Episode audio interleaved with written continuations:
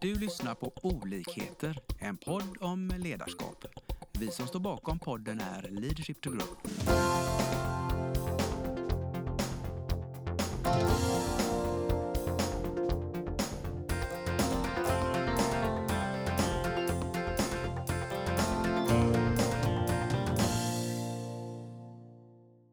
Välkomna till eh, dagens podd allihopa. Idag har jag en spännande gäst från Hemköpsvärlden så att eh, jag låter dig presentera dig själv. Välkommen! Tack så mycket. Samir Sherif heter jag. 48 år gammal.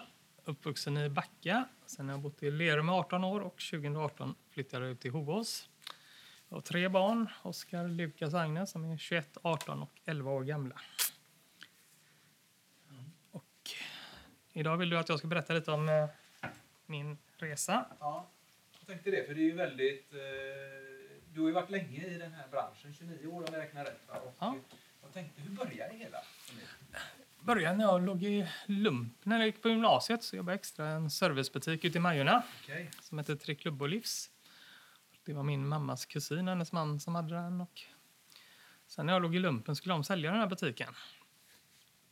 Jag visste att de hade alltid levt gott på den här butiken. De omsatte fem miljoner och de mådde bra. Det var lite av min dröm då, liksom, att Det var det? få det Ja. som dem. Ja.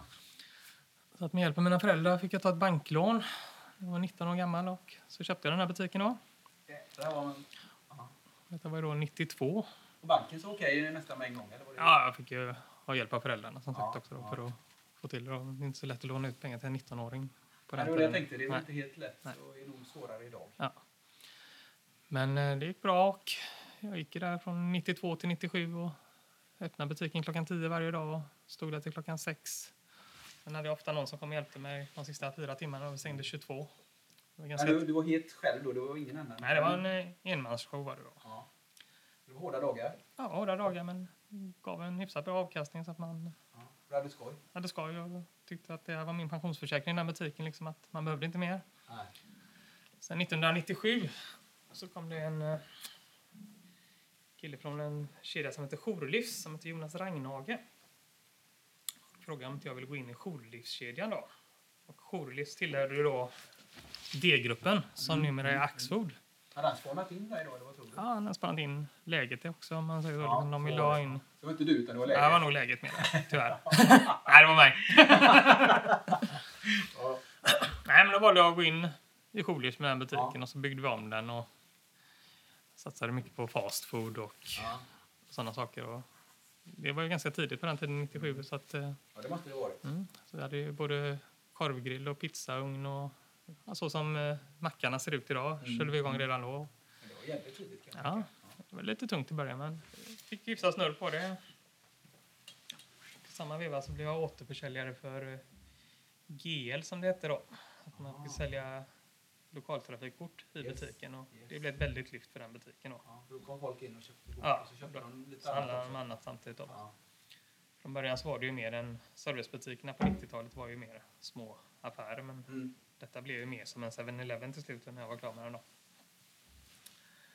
Och, Spännande. eh, så Det körde- utvecklades mycket där. Jag utvecklades en del här. Så efter två år där så hade man kommit in lite i D-gruppsvärlden som det hette på den tiden också då.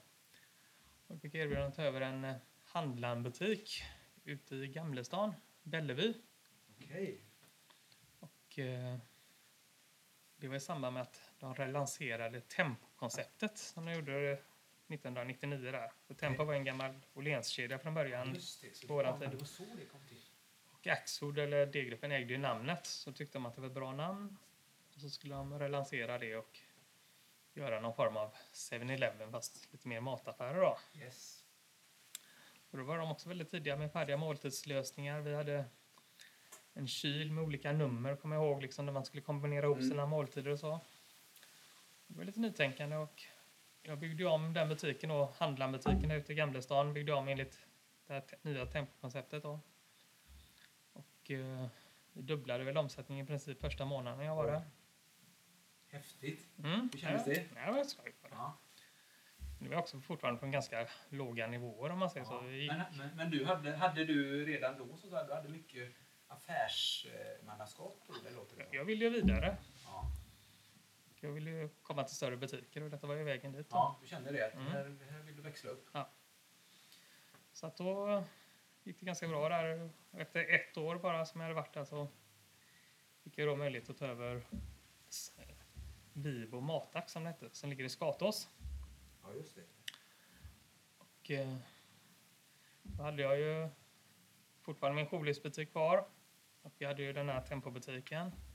Och så skulle jag ha en Vivo-butik också. Och då hade du börjat anställa lite personal Ja, i den här Jag gått in lite. Ja. Och det här var ett jättestort steg då, för då omsatte vi väl en 7-8 miljoner på Tempobutiken och jourlivsen låg väl på 5. ja. Och så skulle man ta en butik som omsatte 14. Vad ställde det för krav för dig då? För då fick ju du både vara liksom eh, operativ men även då leda Ja. eh, nya människor som var anställda. Och, och, då hade jag, jag hade från min jourlivstid så hade jag två killar som hängt med mig, som är med mig fortfarande faktiskt. det är så? Ja. Och den ena satt jag då på Tempobutiken och ja. den andra fick vara med mig till eh, den nya Skatåsbutiken då. Yes. Men vad är det som förenar er? Har ni samsyn kring det här med, med butiksdrivande och mål och så? Ja, vad de, de har jobbat hos mig sedan Ja. 15-16 år Ja. så att de har gått i mina fotspår så att säga. Yes. Så vi tycker ju samma och vi jobbar på samma sätt. Mm. Och, eh, sen har jag haft lite flyt där då. Eh, I samband med att när jag tog över den här Vivo-butiken så skulle man göra om alla Vivo-butiker i Sverige till Spar. Som en kedja som Och då hade vi bildat Axfood också. Det var år 2000 som vi bildade Axfood. I samma veva tog jag över den här butiken. Och då gjorde jag om den till Spar. Mm.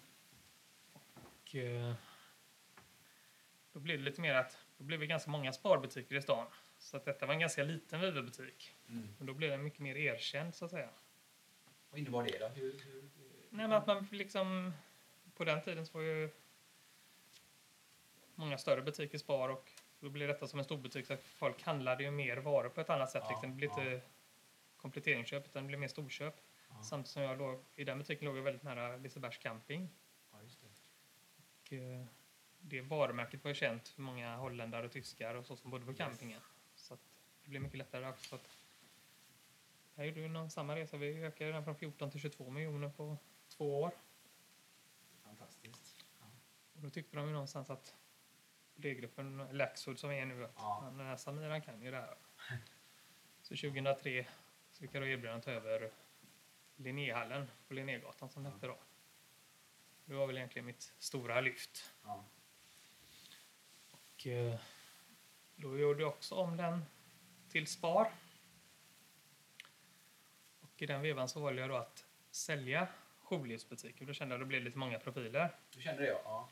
Då sålde jag jourlivsbutiken på Mariaplan. Renodla lite nu. Ja, och den sålde jag till 7-Eleven då. Det var ju nästan som Det var ju redan det, Ja. Och där fick jag ju väldigt bra betalt också, så det var jag nöjd med. Och så var det att arrendera ut Tempobutiken som jag hade på Lörskaggsgatan då, Mm. i Gamlestad. Så då hade jag ju Spar Skatås och Spar Linnégatan. Och vi byggde om Linnégatan i samma veva som vi blev Spar här då.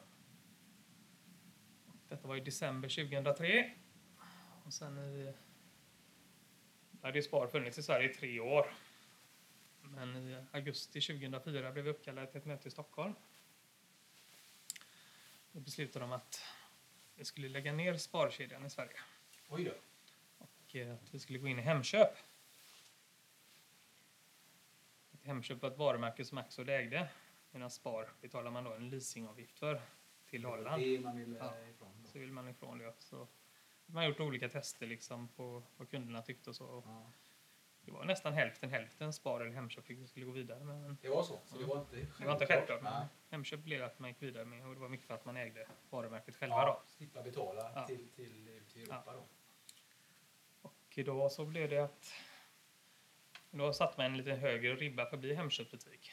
Så den sparbutiken jag hade i Skatås skulle då inte platsa in, sa Hemköp. Mm. Utan den skulle då bli erbjuden på en temposkylt. Ja, nivån under. Ja. Mm. Och det var ju tillbaka där igen liksom med olika profiler. Och, Mm. ja, då förklarade jag att jag inte var nöjd med upplägget. Och att eh, jag inte visste riktigt om jag ville följa med på den resan. Då. Nej, du var tydlig där. Ja. Hur kändes det? Nej, men jag kände att nu har jag liksom renodlat. Jag hade två butiker som gick väldigt bra liksom, Mm, och mm. det var väldigt lätt att jobba under samma profil. Mm. Men då fick jag då erbjudandet över Hemköp Masthuggstorget. Då kom den. Ja. Mm. Och det var en betydligt större butik då. Ja. Klart att då blir det roligare igen. Så då valde jag att köpa Hemköp Masthuggstorget. Men det, om man stannar upp lite där, en lärdom av det då, det var ju att du, du var väldigt tydlig på vad du ville, vad din Ja. strategi var, vad du drevs av. Så du, på något sätt satte du ner foten mot om man säger, den stora koncernen. Jag ville, jag ville ju att Dennis Gato skulle bli Hemköp var ju min målsättning. Ja, Det var ja. det jag kämpade för. Och lärdomen är detta då, man ska trots, jag menar du var ju en, en aktör som, Mm. och, och, och stora kontoret i Stockholm, men de lyssnar på dig. Det var, Ja, kontoret var i Göteborg på den tiden Ja. så vi hade en ganska nära relation. Ja. Det var inte självklart att det inte skulle bli det för det är ett väldigt bra skyltläge och så. Det var Ja. de aspekterna som jag försökte spela in där. Och liksom, Precis. att den syns ju precis. den butiken. Men- Men ett råd till våra lyssnare tänker jag, det, det är ju viktigt att, att eh, driva sina, sin linje. Absolut. Absolut. Mm. Men den på Masthuggstorget då, det var ju en gammal Hemköp om man säger så. Mm. Så den har ju varit Hemköp ett längre tag då. Och det var ju samtidigt min största konkurrent till Linnégatan. Så att det var ju ganska lockande också att Ja. få in ett område och kunna gå mellan butikerna. Det var ju väldigt Ja. attraktivt. Ja, härligt. Så att eh, så fick det bli och Skatos blev ju då en tempobutik. Och i den vevan så valde jag att sälja tempobutiken i Gamlestan. Mm. Och han som hade den, som jobbat med där, han fick då arrendera Skatosbutiken då. Yes. Och det har han gjort då från 2005 fram till förra året faktiskt. Så vi kan möjlighet att köpa loss den. Så att nu har jag inte den längre. Men då kunde jag fokusera helhjärtat på Hemköp Linnégatan, Mm. Hemköp Masthuggstorget som det var då. yes. Och när jag, det jag missade också, när jag hade Skato så hade jag typ en tio stycken hem, kunder som handlade hos hemtjänsten. Ja. Och hux flux fick jag reda på att nu ska hemtjänsten börja handla via Samhall. Och då kommer inte de eh, kunna handla av det som det. Då ska de handla i en stor butik. Jaha, undrade vi då liksom. Där var min kollega Claes Norin som jag jobbar med igen som Ja, var väldigt inblandad i detta. Så han tog kontakt med kommunen då liksom. Varför kan inte vi få ett sånt avtal? precis. Ja, det kan ni väl få liksom. eh, Är det en upphandling på det? Nej, vi har inte haft en upphandling än, men det måste man väl ha. Det visade då att Örgryte fick då gå ut med en upphandling. Och eh, vi visste ju inte hur vi skulle lägga oss där prismässigt liksom, så vi testade. Vi tyckte vi fick lite relation med han på kommunen där liksom. Och, och Samhall, de måste vara billiga liksom. De är ju gratis arbetskraft liksom. Var kan de ligga någonstans? Ja, det är inte en susning. Tar de en 50-lapp för en leverans? Ja. Ja, någonstans där är det så här. Vi ska vinna där. Det var 350 kunder. Och vi hade 10 innan. Oj, oj, spännande. Och då, det var innan, och då var det bara från Skatusbutiken. Så att vi tog i från knäna och räknade liksom, hur ska vi kunna nå break-even för, för att få volymen åtminstone. Mm. Så vi lägger oss på 35 kronor Mm. för att plocka och, leverera ut Ja. en order till de här. Sen så kommer upphandlingen. Så står det då Citybutikerna som är mitt bolag. 35 kronor. Samhall 142. Oj! Fy fan. Då var vi inte så glada. Nej. Men vi bet ihop och körde detta i två år. Ja. Tills nästa upphandling skulle komma och då hade vi lärt oss lite mer. Så det var en läxa egentligen? Det var en läxa. Mm. Och vi tjänar inga pengar på de två åren, men vi förlorar inga pengar heller. Utan volym. det var en, en väg in. Mm. Och, eh, men sen blev det också lite tufft att köra all den volymen från den lilla butiken i Skatås. Så då hade jag Linnégatan också som fick hjälpa till att ta en del av det där. Kompensera där. Ja. Så det är bra att ha flera Mm. verksamheter.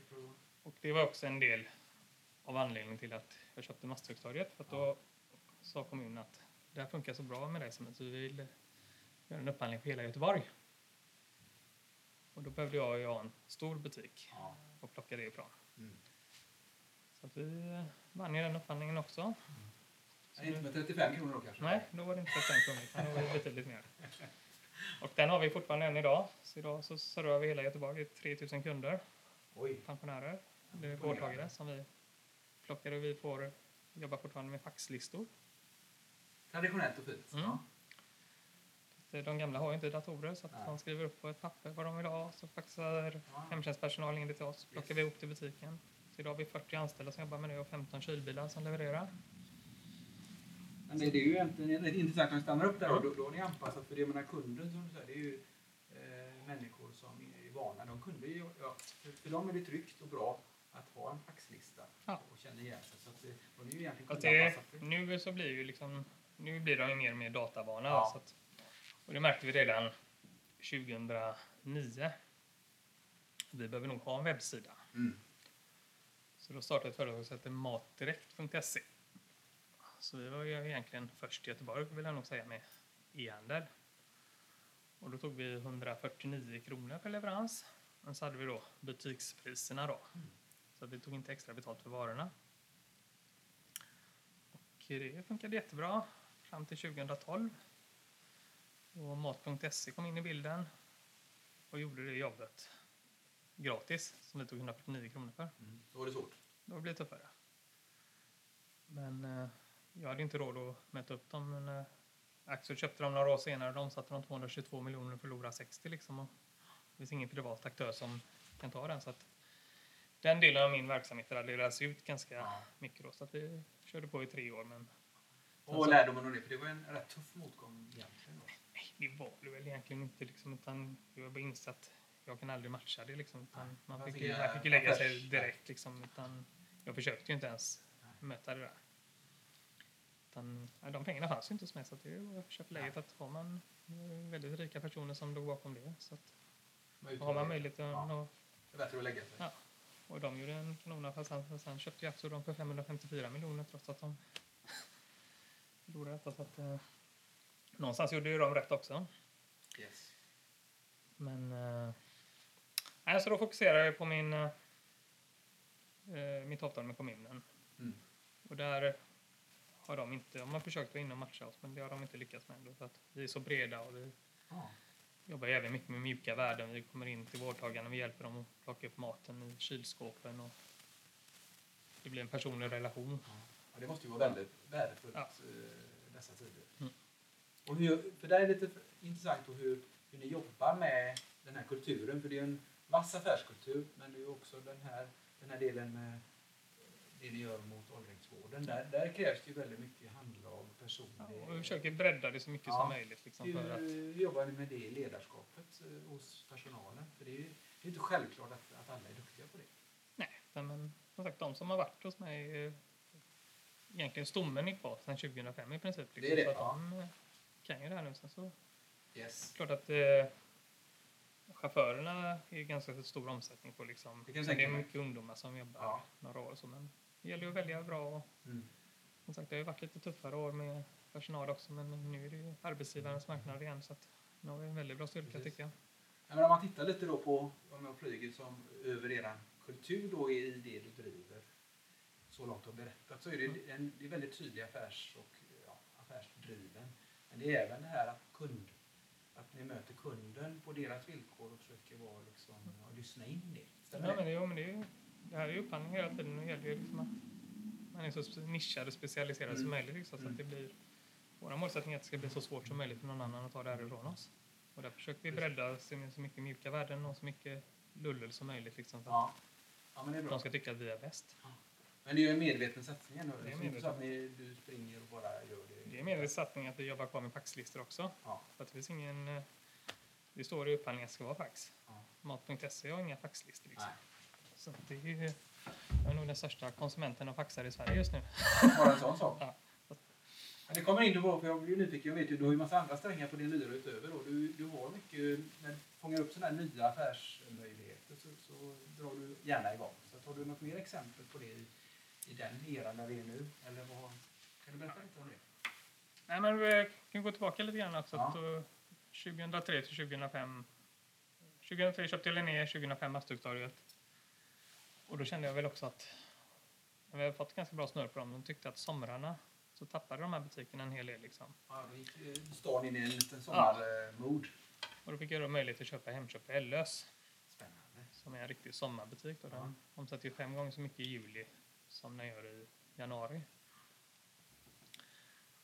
Eh, så den tog jag över då 2009. Men eh, om jag säger både på Linnégatan och Masthuggstorget så de har ju det var ganska lätta resor liksom. Ja. Och i dagsläget så har jag ju mer än fördubblat omsättningen på dem sen jag tog över. Mm.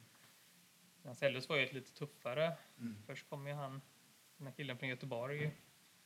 Det var väldigt mycket äldre personal. Mm. Jag tar dit min 23-åriga butikschef som tycker att han är kung på ön. Och, Lite, lite jobbiga. ja, det blir lite Ja. mer motstånd då. Så att, där stod vi och hankade i många år och stampade på samma omsättning. Ja. Vi hade en skaplig lönsamhet. Hade vi så liksom, men, Men ni kom inte vidare dit du ville. nej, utan det är väl först de senare åren jag har insett det här med att man ska satsa på den lokala personalen. Och mycket mer mjuka värden. Liksom, så att nu är det bara lokal personal och de är älskade av hela ön och butikschefen är jättehyllad där. Och det var en lärdom då. Att, att på sådana lärdom, ställen liksom, är det, det lokala är ja. väldigt viktigt. Precis. Och det går inte det tar flera generationer om man ska Ja. jobba upp det tänker jag. Att, eh, Ja, men det är en, eh, så här, ett, ett, ett agi- agilt sätt skulle man kunna säga Mm. ett modernt ord. Att, att lyssna in vad, mm. vad, vad man gäller man, där. de koncepten som fungerar i stan fungerar inte lika bra. Här är det ju mer opersonligt om man säger så. Liksom. Ja. Det är inte, alla vet ju inte ens vem jag är i butiken här. Men alltså på LS vet ju alla så fort jag kör in Där är det viktigt. Ja. Där är det viktigt. Precis.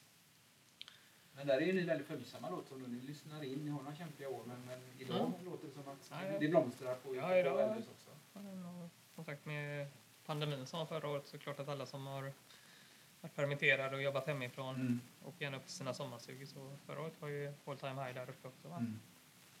Härligt. Så att, Så eh, att, vilken eh, resa. Ja, det är jätteimponerande. Ja. men, så att det... Och... eh, Ja, så det var ju 2009 och sen så... Då var jag 36 år gammal när jag köpte den butiken. Jag hade väl en vision om att ha 6-7 Hemköpsbutiker. Ja. Men sen så ändrade Axel lite på förutsättningarna för oss. Att innan någon tyckte det var bra att en handlare som hade en butik med en stabil ekonomi kunde köpa en annan, för då vågar man göra mer. Men Mm. Då såg man mer på våra konkurrenter ICA. Är väldigt hårda med att ha en handlare i en butik. Och man kan inte säga att det har gått dåligt för ICA-handlarna heller. Så att jag tyckte Axel att det var en bra filosofi. Mm. Skillnaden mellan Axel och ICA är att inom Axel så de största butikerna blir ofta Willys eller att Mm. och de äger butiker själva. Det är inte så lätt för en handlare att ta över en sån butik. Så att min målsättning var ju innan att växa med fler mindre då. Yes. Så då fick jag det beskedet att Samir att eh, nu ska vi ändra till en handlare en butik. Det är klart vi kan inte ta ifrån dig någon av dem du har. Det är dina. Men ska du ha någonting nytt så vill vi att du säljer något av dem, de befintliga du har. Så blev det. Hur kändes det då? Det kändes lite tråkigt eftersom jag hade kämpat så bra med dem och det blir lite som ens bebisar, ens butiker också. Va? Mm. Mm. Samtidigt så har jag väl haft en vision att det är klart det är väldigt bekvämt att kunna äga butik inom samma område. Så det är klart att skulle det komma upp någon butik i närheten av Linnégatan eller Masthuggstorget skulle jag kanske kunna tänka mig att sälja LS-butiken för den. I så fall. Ja. Men butik växer ju inte på träd heller och LS-butiken är så pass bra så jag har fortfarande inte hittat någonting som jag vill sälja LS-butiken för. Nej, förstår.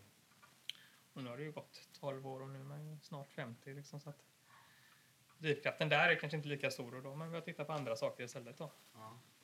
Men den är ju viktig då om man talar personligt ledarskap och så vidare Mm. som, som, som vi också vill belysa lite då. Att, att, eh, när man hör den här resan blir man ju väldigt eh, både imponerad och tagen av liksom, eh, det är ju rätt fantastiskt. Eh, vad tycker du själv när du blickar tillbaka? Det, Jo, nej, men jag får ju nypa mig många gånger när jag Ja. går upp i sängen liksom att ja. det rullar på som det har gjort och jag är supernöjd. Och samtidigt eh, klurar man ju då framåt. Ja, men det känns ju som att du, du säger 67 butiker, det, du hade en dröm att driva vidare och nu Mm. på något sätt. Eh, vad händer då med ditt liv när, när det liksom blir sådana, lite rött kort blir det ju för dig där. Ja, det blir lite så liksom och som sagt liksom kassaflödet finns ju kvar liksom och någonting vill man ju Mm. investera i va. Mm. Och det blivit bland annat så hade jag en granne som höll på med HVB-hem Okej. runt 2011 där när det Ja. började växa upp. Och så blev han lite ovän med sina kollegor så eller grannens bror var det faktiskt. Ja. Då skulle han sluta med det då och börja jobba med däck istället. Jag sa till honom, med den kompetensen du har så tycker jag det är väldigt dumt att sluta med det utan jag backar upp dig här. Ja. Så startar vi någonting tillsammans. Så vi körde igång med det 2011, 2012 någon gång och det tog väl en tre år innan det lossade. Det lossade ju ordentligt då när flyktingkrisen kom då men Ja. det var ju lite dopat under några år där men idag är det en blomstrande verksamhet och vi har en, tre stycken fastigheter där vi har lägenheter som vi tar hand om eh, Ja. Ungdomar som har kommit lite på sned då. Ja. Sen har vi börjat väldigt mycket med familjehem också då. Men där är jag då lite mer sleeping partner om man säger så. Liksom. Utan jag gick in och backade upp dem, men det är inte mitt område. Utan mitt värde där är ju deras kompetens. Men Yes. Men det känns ändå som du, du, du brinner mycket för sån här att, att hjälpa liksom, och vara nära människor även i ditt Ja. butiksresa. jag vill Liksom, utveckla och jag vill liksom... ja. Ja, Det är ju jättefascinerande. Ja. Så att det körde vi igång med där och det håller vi på med fortfarande. Det heter Trygga vägen. Trygga vägen heter. Ja. Spännande. Vad tänker du nästa steg där då? För det, där, där har du inga limits, eller? Nej, jag kan säga att det, jag lyssnar väldigt mycket på dem där. Ja. Utan det är de som kan det här. Och Mm. De är väldigt seriösa och väldigt omtyckta av kommunen. Och Mm. sen är det ju liksom mycket upp och ner också. Liksom. Men många av de här företagen slogs ut när eh, flyktingarna avtog om man säger så. Men Mm. Mm. vi har ju nischat om oss och så nu jobbar vi mer med ungdomar och det är mycket Ja. svenska ungdomar med problem och den biten då. Så att det gäller att kunna anpassa verksamheten också. Yes. Och eh, sen har jag då försökt mig på, nu på senare år med fastigheter och jag Oj. Ja. började med att jag köpte några hus och garage och båtplatser uppe. Har en sommarstuga i Kyrkesund. Som det var en norsk entreprenör som hade byggt hela Okej. byn. Ja. Sen så gick han vidare och skulle bygga, och det gick ganska bra för honom i Kyrkesund, så gick han vidare och skulle bygga det i Hälleviks strand, ett liknande Mm. projekt. Men där fick han ju mer patrull så det slutade med att han fick ju sälja det i Kyrkesund. Och då köpte jag det han hade kvar så det var, jag äger 25 garage och eh, hade tre hus och lite mark och båtplatser där uppe. Mm. De har sålt av två av husen, så nu har jag kvar garagen och mitt egna Ja. hus. Men Men det är en helt annan bransch. Men tvekar du aldrig på att ge dig in i en sån bransch? Eller vad är det som... Det verkar vara bara slänga det ut ibland. Ja, men det är mycket känsla i det. Det är känsla. Sen, som Ja. jag brukar säga, fastigheter är förlåtande över tiden. Sen om man inte behöver ha pengarna direkt så brukar det oftast bli bra. Men eh, Är det en sån nyckel tror jag för, i affärsmannaskapet? Att gå på, ja, lita på känslan, magkänslan? Tror du det? sen är det mycket som säger också att, att man ska ha en trygghet. Liksom, att Ja. man vet att, liksom, att även om det här går till helvete så klarar jag mig. Ja. Du menar att du hade inte gjort det i, Majorna när du var 19? Nej, det har jag inte gjort. Jag hade inte gjort det om jag inte hade haft en intäkt någon annanstans heller. Nej. Men när man känner en trygghet med det man gör så Mm. kan man våga chansa lite mer Ja. också. Du, jag kommer få stanna upp att få med våra lyssnare. Har du något råd som lyssnare som kanske är lite yngre nu? Vad, vad, vad är det när man börjar? Vad är, vad är det man ska tänka på? För du, du, har ju gjort det mesta rätt framåt, tänker jag här. En stor del av min framgång i butiksdriften är att jag började med en väldigt liten butik. Ja. Och sen har man ju då jobbat sig upp från det, men alltid Mm. haft kvar det lilla tänket. Liksom. Mm. Jag tror det är mycket svårare om du kommer från en stor butik och tar över en liten. Mm. än om du kommer från en liten och tar över en stor. Yes. Jag tyckte att all personal var för mycket. Liksom. Ja. Alla kostnader var för höga. Ja. Så man var ju van vid de Hushålla. hushållen. Ja. Och det är väl, tänker jag, väldigt viktigt om man talar lönsamhet och, Mm. ledarskap att inte ha för stor kostym för tidigt. Absolut. För det med skattetryck och alla avgifter så det är ju påfrestande, tänker jag. Så det är en lärdom. Det lärde de mig. Mm. Om man säger som eh, Linnégatan har ju varit en av Sveriges lönsammaste butiker i tio år i rad i princip. Liksom, Ja. Om man säger procentuellt. Sen så är det klart att omsättningsmässigt så är det ju många som slår men Så det gäller att man har koll på sina nyckeltal hela tiden och man även motiverar medarbetarna att jobba efter dem. Ja, för tänker nu när ni har så många verksamheter, hur jobbar ni med, vi talade om det lite innan, hur ni jobbar med mål? För det låter som att eh, butiken har en viss frihet idag och du jobbar mer med målstyrning Mm. på nyckeltal. Ja, men så är det liksom. Utan jag har olika nyckeltal beroende på läge då liksom. Ja, En stor del är ju personalkostnaden som jag jobbar med. yes. En procent på den. Och sen är det ju då ökning av bruttovinst. Vi mäter inte så mycket försäljning utan vi Nej. mäter mer bruttovinstkronor. För att yes. försäljning kan man få hur lätt som helst om man sänker Mm. priserna. Så det är brutto ni följer? Ja, ja, bruttovinsten. Bra. Det är det som är det viktiga för oss. Det låter väldigt enkelt. Så att, eh, innebär det dock att du egentligen delegerar ganska mycket till butikerna jag. idag? Ja. Jag har ju sedan 2009 fram till eh, 2020 så var jag ordförande för Hemköpshandlarna i Sverige. Och det gjorde ju också att jag var i Stockholm en till två dagar i veckan. Yes. Och då blev man ju tvungen att delegera mer. Mm. Hur ser ett då, bortsett från nyckeltalen, hur ser ett eh, framgångsrikt koncept ut för att delegera, tänker du? Man har personer som tänker som en själv. Ja. Och liksom känner de att de tjänar mer pengar på det som jag gör Yes. så det blir de väldigt motiverade också. Ja. Och det är ett tecken att har ju nog aldrig haft någon butikschef som har slutat hos mig. Det är fantastiskt Mm. i sig. Så att, eh, det är inget jag har nog haft med mig sedan jag började i princip. Ja. Det är väl ett betyg om något, tänker ja, jag. vi är ett bra team. Har de sagt det till dig? Varför stannar? jag är lite dålig på att ge positivt beröm, jag är väldigt bra på att ge negativt. Men eh, Så alla sen så är vi ändå vi är kompisar, liksom. vi Ja. känner varandra så väl. Och vi har en ledningsgruppsresa Ja, varje ja. år som vi blir Jag får utmana lite där då. Ja. vad skulle, hur skulle du kunna bli lite bättre på att ge positivt beröm? Vad skulle du kunna ändra där? Ja, det är någonting som jag har tänkt på själv också. Liksom. Ja.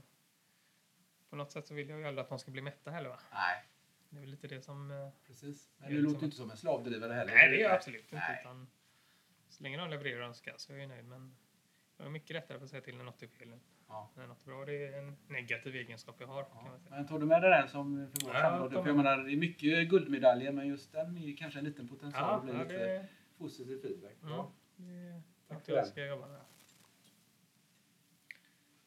Men de får ju så mycket positivt ändå hela tiden med tanke på att resultaten är så bra. Mm. Men man vill inte att de ska bli för stöddiga heller va? Nej, men det är balansgång är klart. Ja. Men, men det, jag tycker du fångar väldigt bra kallar lönsamt ledarskap. Mm. Eh, Som det, på något sätt är också fascinerad i. För det verkar som väldigt mycket av det du gör och ni gör, det, ni har lärt er det själva. Eller har du fått har du några förebilder inom ledarskap? Eller vad, vad tänker du där? Nej, Jag får nog säga att jag har lärt mig det mesta själv. jag har inte, eftersom jag började med en sån liten butik, det är inte så att jag har jobbat hos någon annan stor handlare och lärt mig utan jag har hållit på med detta sedan jag var 19 år. Lära mig det mesta själv. Liksom. Det, så är det väl. Ja.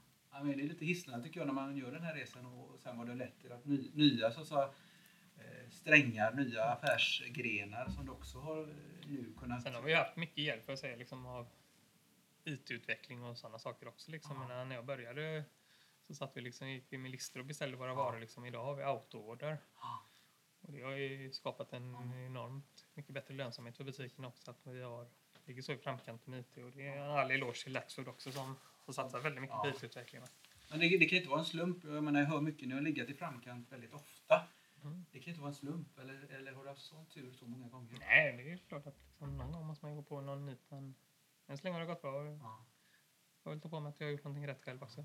Nej, men för jag tänker det är väl, till våra lyssnare, det är väl också en framgångsnyckel att leta efter vad är, vad är det för trender, vad är det för nytt som kommer och Mm. försöka testa det i kanske liten skala först och sen skala upp det. Absolut. Men där har vi ju stor hjälp av kedjan också. Ja. Så att säga, liksom, när vi Ja. pratar trender och Yes. Det är ju väldigt svårt för en enskild handlare att ha koll på allting. Ja, Liksom. Det finns ju många framgångsrika handlare som jobbar och jagar leverantörer varje dag och Ja. jagar klipp och den biten också. Medans jag har litat en del på kedjan och det har gått bra. Liksom. Ja. Så det är en bra symbios. Ja. I, Sen har vi väldigt stort handlarinflytande inom kedjan också. Ja, Liksom, ja. Bra. det gäller att välja våra va- varor och våra flygblad och så vidare. Underbart. Du, eh, en sista fråga. Har vi glömt något viktigt nu kring eh, det, allt du, det du har lärt dig och ni har lärt er de här åren lyssnare? Är det något du skulle vilja trycka på ytterligare? jag säger liksom, har du en verksamhet som går bra, som du känner dig trygg med, då tycker jag inte att du ska stanna upp med det, utan då ska du våga satsa på att utveckla och göra nya saker. Det är väl det som jag har känt att jag gjort. Liksom, jag vill inte stanna här, utan jag vill gå vidare liksom, och se hur långt jag går. Men eh, min trygghet har hela tiden varit att jag har haft en verksamhet som gått bra bakom mig när jag har gått in i nya saker och vetat att det här kan gå åt helvete men jag klarar mig ändå. Hade jag inte haft den känslan så hade jag kanske inte vågat Nej. på samma sätt. Den balansen är viktig, att Ja, ha en, ja. stomme. Ja, men det är väl Liksom, det är väl för, ja. Om man har det så rullar på så då ska man våga men annars så får man ju vara lite mer försiktig. bra. Något sista råd du vill ge till våra lyssnare? Kanske några som sitter och funderar på att bli entreprenörer och starta eget? Nej, det är ju världens bästa liv. Får du liksom en verksamhet så bra så har du en extrem frihet. Du kan styra dina tider. Jag som exempel med min exfru nu eh, när hon gick och utbildade sig till arbetsterapeut eh, när barnen var små. Sen så började hon jobba och var jättenöjd men sen så fick hon semester i juni månad och så skulle jag vara ensam med barnen i juli augusti. Och det tyckte varken hon eller jag var roligt. Så till slut köpte vi en inredningsbutik till henne. Och den gick jättebra nu fram till pandemin också men det gjorde ju framförallt det viktiga med den det var ju att vi, kunde, vi ägde våra liv, vi kunde styra våra tider. Och det är en fantastisk känsla genom att vara entreprenör. Va? Men det, det är ju en jättebra slutkläm egentligen. Vå- Våga satsa, ha frihet över tid, frihet över pengar egentligen också. Mm. Så att det är bara att köra. Ja, Stort tack för detta samtalet. tack själv. Nu hörs vi. Tack. Vi hoppas att vi har väckt tankar om hur du kan utveckla och stärka ditt personliga ledarskap. Följ oss gärna på våra sociala medier där vi heter Leadership to Grow. Om du vill ha mer inspiration och verktyg, gå in på vår hemsida leadershiptogrow.com. Tack för att du lyssnar.